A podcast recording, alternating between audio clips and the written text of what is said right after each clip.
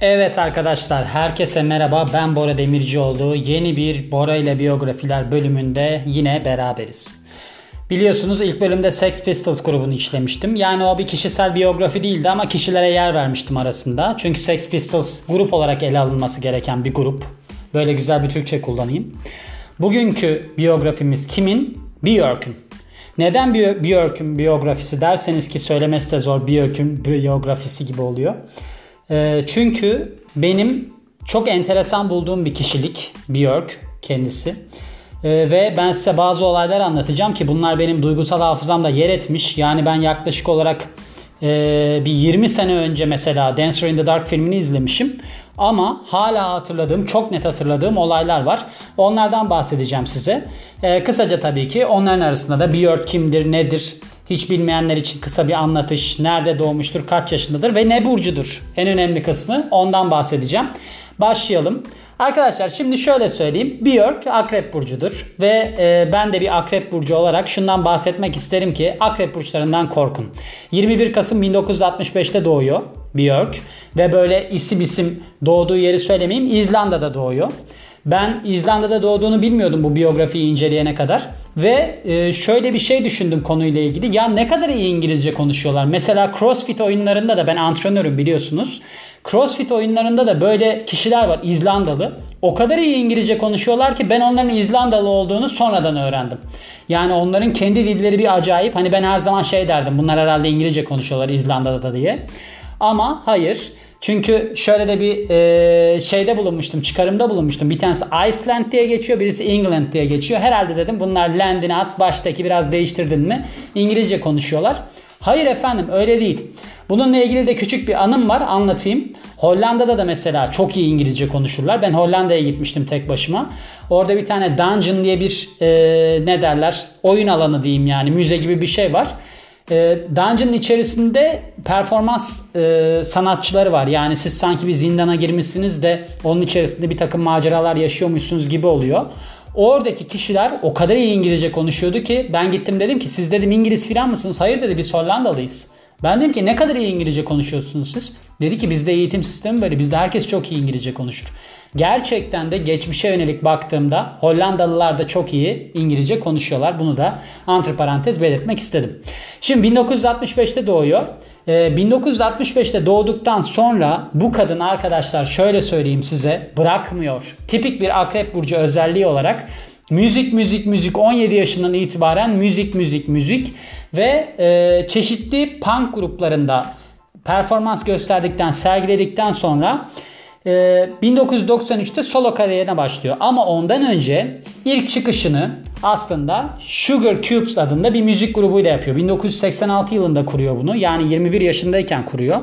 Ve e, bu müzik grubuyla beraber pek çok şarkı yapıyorlar ve bu şekilde İngiltere ve Amerika'da tanınırlık kazanıyorlar. 87 yılında e, bu gruptan gitarist de evleniyor. Pardon 86'da evleniyor ve 87'de ayrılıyor. Yani grup 86'da kuruluyor. Gitaristle evleniyor. Bir tane çocukları oluyor ve 87'de ayrılıyor. Yine tipik bir akrep burcu hareketi. E, çok sevip sonrasında ayrılmak. Ve e, bu Sugar Cubes grubu ilk albümünü yani Life is Good, Life's Too Good bu albümün ismi 88 yılında yayınlıyor. İşte bunlar Amerika'da da popüler oluyorlar, İngiltere'de popüler oluyorlar falan filan. Birkaç tane albüm çıkarıyorlar. Burada Birthday diye bir şarkıları var ki bayağı bir tutuyor. 92 yılında da bir tane böyle eski işlerinden oluşan bir remix albümü yayınlıyorlar. Ve aslında 92'de de grup dağılmış oluyor, bitmiş oluyor. Tabii ki Björk, biz böyle Sugar Cubes falan duymadık. Björk duyduk. Bir de ismi de çok e, akılda kalıcı, bir orijinal bir isim. O yüzden e, Björk'ün kariyerine geçelim. 93'te başlıyor zaten. 93'te Björk debut adında ki ilk demektir. Debut albüm dediği zaman mesela birisi ilk albüm demektir. İsmi debut albümün. Öyle bir albüm çıkarıyor ve top 20'de iki tane single yer alıyor. Buradan Human Behavior ve Big Time Sensuality. Bunlar e, top 20'ye giriyorlar ve bu albüm dünya çapında 3 milyon satıyor. Yani 3 milyon civarında tam 3 milyon değil de Öyle bir satış rakamına ulaşıyor. Ardından da pek çok albüm çıkarıyor. Ben şimdi bu albümü çıkardı, şu albümü çıkardı. Eski MTV'deki VJ'lik günlerime dönmek istemiyorum. Sıkıcı olmasını istemiyorum. Hangi albümleri çıkarmış diye düşünüyorsanız onu açar bakarsınız. Burada önemli olan noktaya gelmem lazım. 2000 yılında bu kadın Lars von Trier'in Dancer in the Dark filminde rol alıyor. Ben zaten Björk'ü ilk olarak o e, filmle tanımıştım. Yani şöyle olmuştu. Ben o zamanlar hala da e, sinema televizyonla çok ilgiliydim. E, ve bu sinema televizyonla olan ilgimden dolayı bütün Türk aktörleri, yönetmenleri, işte yabancı aktörleri, yönetmenleri filan takip ederdim. Orada bir sinema programında Uğur Yücel çıktı. Dedi ki e, oradaki sunucu. Uğur Bey dedi en çok sevdiğiniz dedi e, aktrist ya da aktör kim dedi. O da dedi ki yani aktör ya da aktris olarak veremeyeceğim isim ama dedi şu aralar bir favorim var ki Björk. Björk e, Dancer in the Dark filmini izledim. Yani dedi ben hayatımda böyle bir performans görmedim. İnanılmaz derecede iyi oynamış. Zaten kendisi de e, bu performansıyla Cannes Film Festivali'nde en iyi aktris ödülünü aldı. E, ve Golden Globe'a da aday oldu. Öyle bir durumu var yani. Filmde de kısaca anlatmamız gerekirse gittikçe körleşen bir kadın anlatıyor. Genetik bir rahatsızlığı olduğu için ve bir karavanda yaşıyor bu kadın. Ee, oğlu da aynı hastalığa sahip olduğu için para biriktirmeye çalışıyor. Çok vurucu sahneleri var. Filmi izlemediyseniz izlemenizi şiddetle tavsiye ederim. Zaten Lars von Trier'in bir filmi olup da aklınızdan çıkması pek mümkün değil bence. Kendisi biliyorsunuz Danimarkalı bir yönetmendir. Ee, Epidemik filmi vardır mesela ki çok iyidir yani. Ben o filmi çok severim. Çok aklınızda kalacak çok güzel filmlerin yönetmenidir. Biraz ruh hastası olduğu tabi dillerde ee, ki bu filmin çekimlerinde de Björk'te tansiyon çok artmış. Çünkü abuk sabuk hareketler yapıyormuş, tükürüyormuş filan galiba. Böyle şeyler yapıyormuş Björk'e. Bir ara kopma noktasına gelmiş ilişkileri falan filan. Ama e, sonunda burada ne oldu? Tabii ki başarıya ulaştılar. Yani ben zaten şuna her zaman inanırım ki bir insan çok normalse iki seçenek vardır. Ya çok sıkıcıdır ya da terk edilir, aldatılır. Bu tip şeyler başına gelir. Yani bir insan bence sıradan olmamalı, sıra dışı olmalı. Björk'te bakın şimdi size bir sıra dışılığının hikayesini anlatacağım. Diyeceksiniz ki ya bu kadın hak etmiş.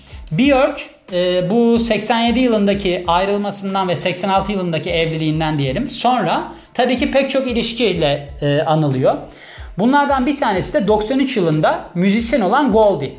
Müzisyen, sanatçı bu adamın bir sürü işleri var işte aktör, maktör her şeyi yapıyor. Ama bu 93 yılındaki ilişkisinin bir arka planında olay var. Ee, bir Lopez soyadlı zannedersem ismi Antonio mu?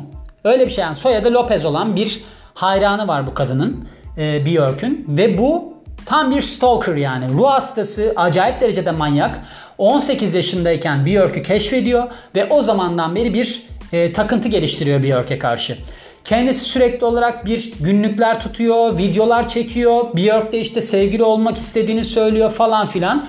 E, kadına saplantılı ve bu çocuğun çok enteresan bu ruh hastalığına çok enteresan taban oluşturan bir olayı var. Jinekomastisi var bu çocuğun. Jinekomasti nedir? Antrenör olduğum için bu konuyu çok iyi bilirim. Jinekomasti bir erkekte kalıtsal olarak kadınsı göğüs e, formunun oluşmasıdır. Aslında ameliyatı da olan bir rahatsızlık olmasına rağmen bu çocuğun beyninde bir kırılmaya yol açıyor bu durum. Yani kendinden aşırı derecede kompleks duyuyor, aşırı derecede manyaklaşıyor, sürekli olarak depresyona giriyor falan filan. Ve devamında da sürekli olarak e, Björk'ü taciz etmeye başlıyor.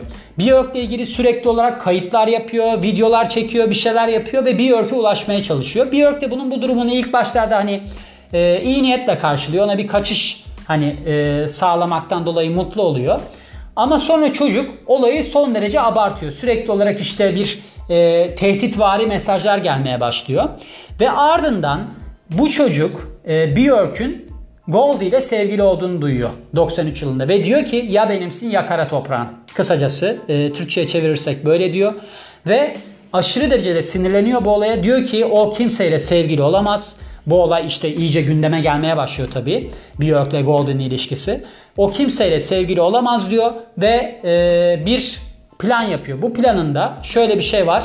Bir kitabın içerisine bir bomba yerleştiriyor ve bu bombanın içerisine HIV'li şırıngalar koymayı planlıyor ilk başta.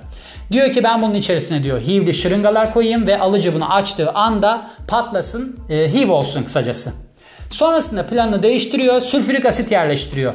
E, açtığı zaman patlayacak ve işte ölecek. Öyle bir planı var. Bunu postaya veriyor. E, o zamanlar tabii ki Björk Londra'da yaşamaya başlamış. Londra'daki evinin adresine yolluyor.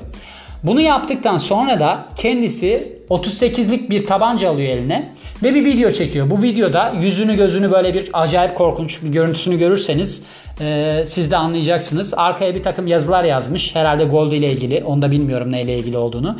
Yüzünü kırmızı ma şey kırmızı ve yeşile boyamış.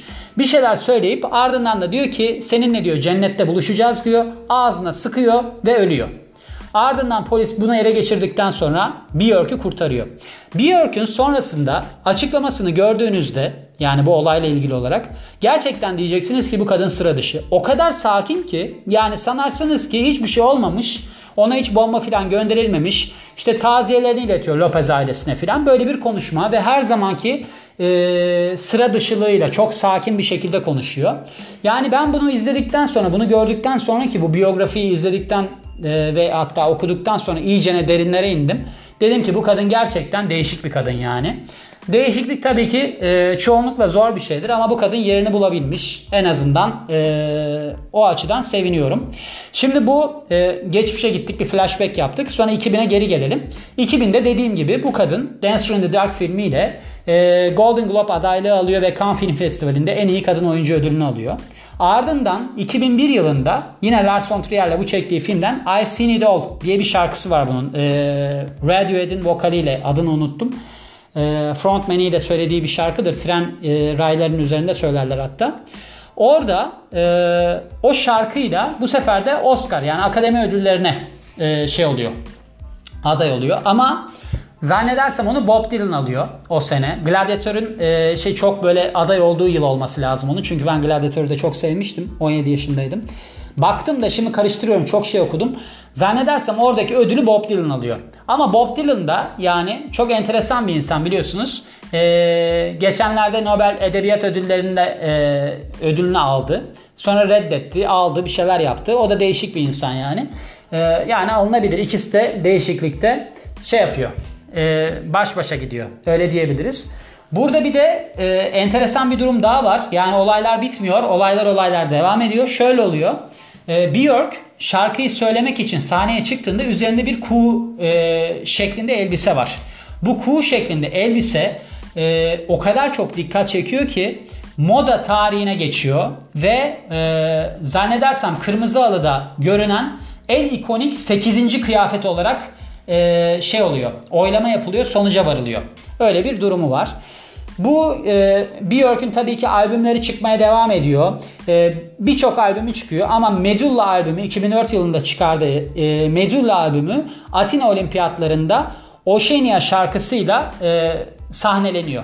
Yani Atina Olimpiyatlarında da 2004 yılında bir sahneye çıkmışlığı var Björk'ün. Ee, aynı zamanda 2013 yılında da 55. Grammy ödüllerinde Biophilia albümüyle en iyi albüm adaylığı, en iyi alternatif albüm adaylığı kazanıyor. Alamıyor ama bir de şu e, ödülü kazanıyor albümle en iyi kayıt paketi. Bu neymiş biliyor musunuz? Onu kendisi kazanmıyormuş. Ee, sanat yönetmenleri kazanıyormuş. Yani siz bir albüm aldığınızda işte kapağı nasıldır bilmem nesi nasıldır falan filan tasarlanması var ya ona verilen ödülmüş. Ee, böyle de bir ödülü var. Bu kadın kişisel hayatında ne yapıyor? Bunun iki tane çocuğu var ondan bahsedelim. Ee, Allah bağışlasın diyelim. İki tane çocuğu var. Ee, ve şu anda ben mesela e, son ilişkisinden olan çocuğundan bakarken hani ne olmuş ne bitmiş filan diye bu biyografi.com'dan çevirdim ben bunu. Yani bunu pek çok yerden çevirdim aslında. Ee, Guardian'da bile vardı yani haberleri. Oralardan da baktım. Hani benim de ilgimi çekti. Onun için çok detaylı bir inceleme yaptım. Ee, orada son ilişkisi zannedersem bu son ilişkisinden olan çocuğu da şeyden beri beraberlermiş. Ee, Dancer in the Dark filminden beri beraberlermiş. Ee, onunla biraz böyle bir sorunlu bir döneme girmişler 2015 yılında. O yüzden o ilişkisi de çatırdamış yani. Olmazmış. Ya zaten ben size bir şey söyleyeyim mi? Akrep ilişkisi ilişki yürütemez. Şey Akrep burcu ilişki yürütemez. Akrep burcu ne yapar biliyor musunuz? Mehmet Ali Erbil'in dediği gibi çok iyi eski koca karı olur. Yani onun haricinde ben çok istikrarlı ilişkiler yürütebileceğini düşünmüyorum. Mesela Teoman nasıldır? Teoman bir ara biliyorsunuz müziği bıraktı filan.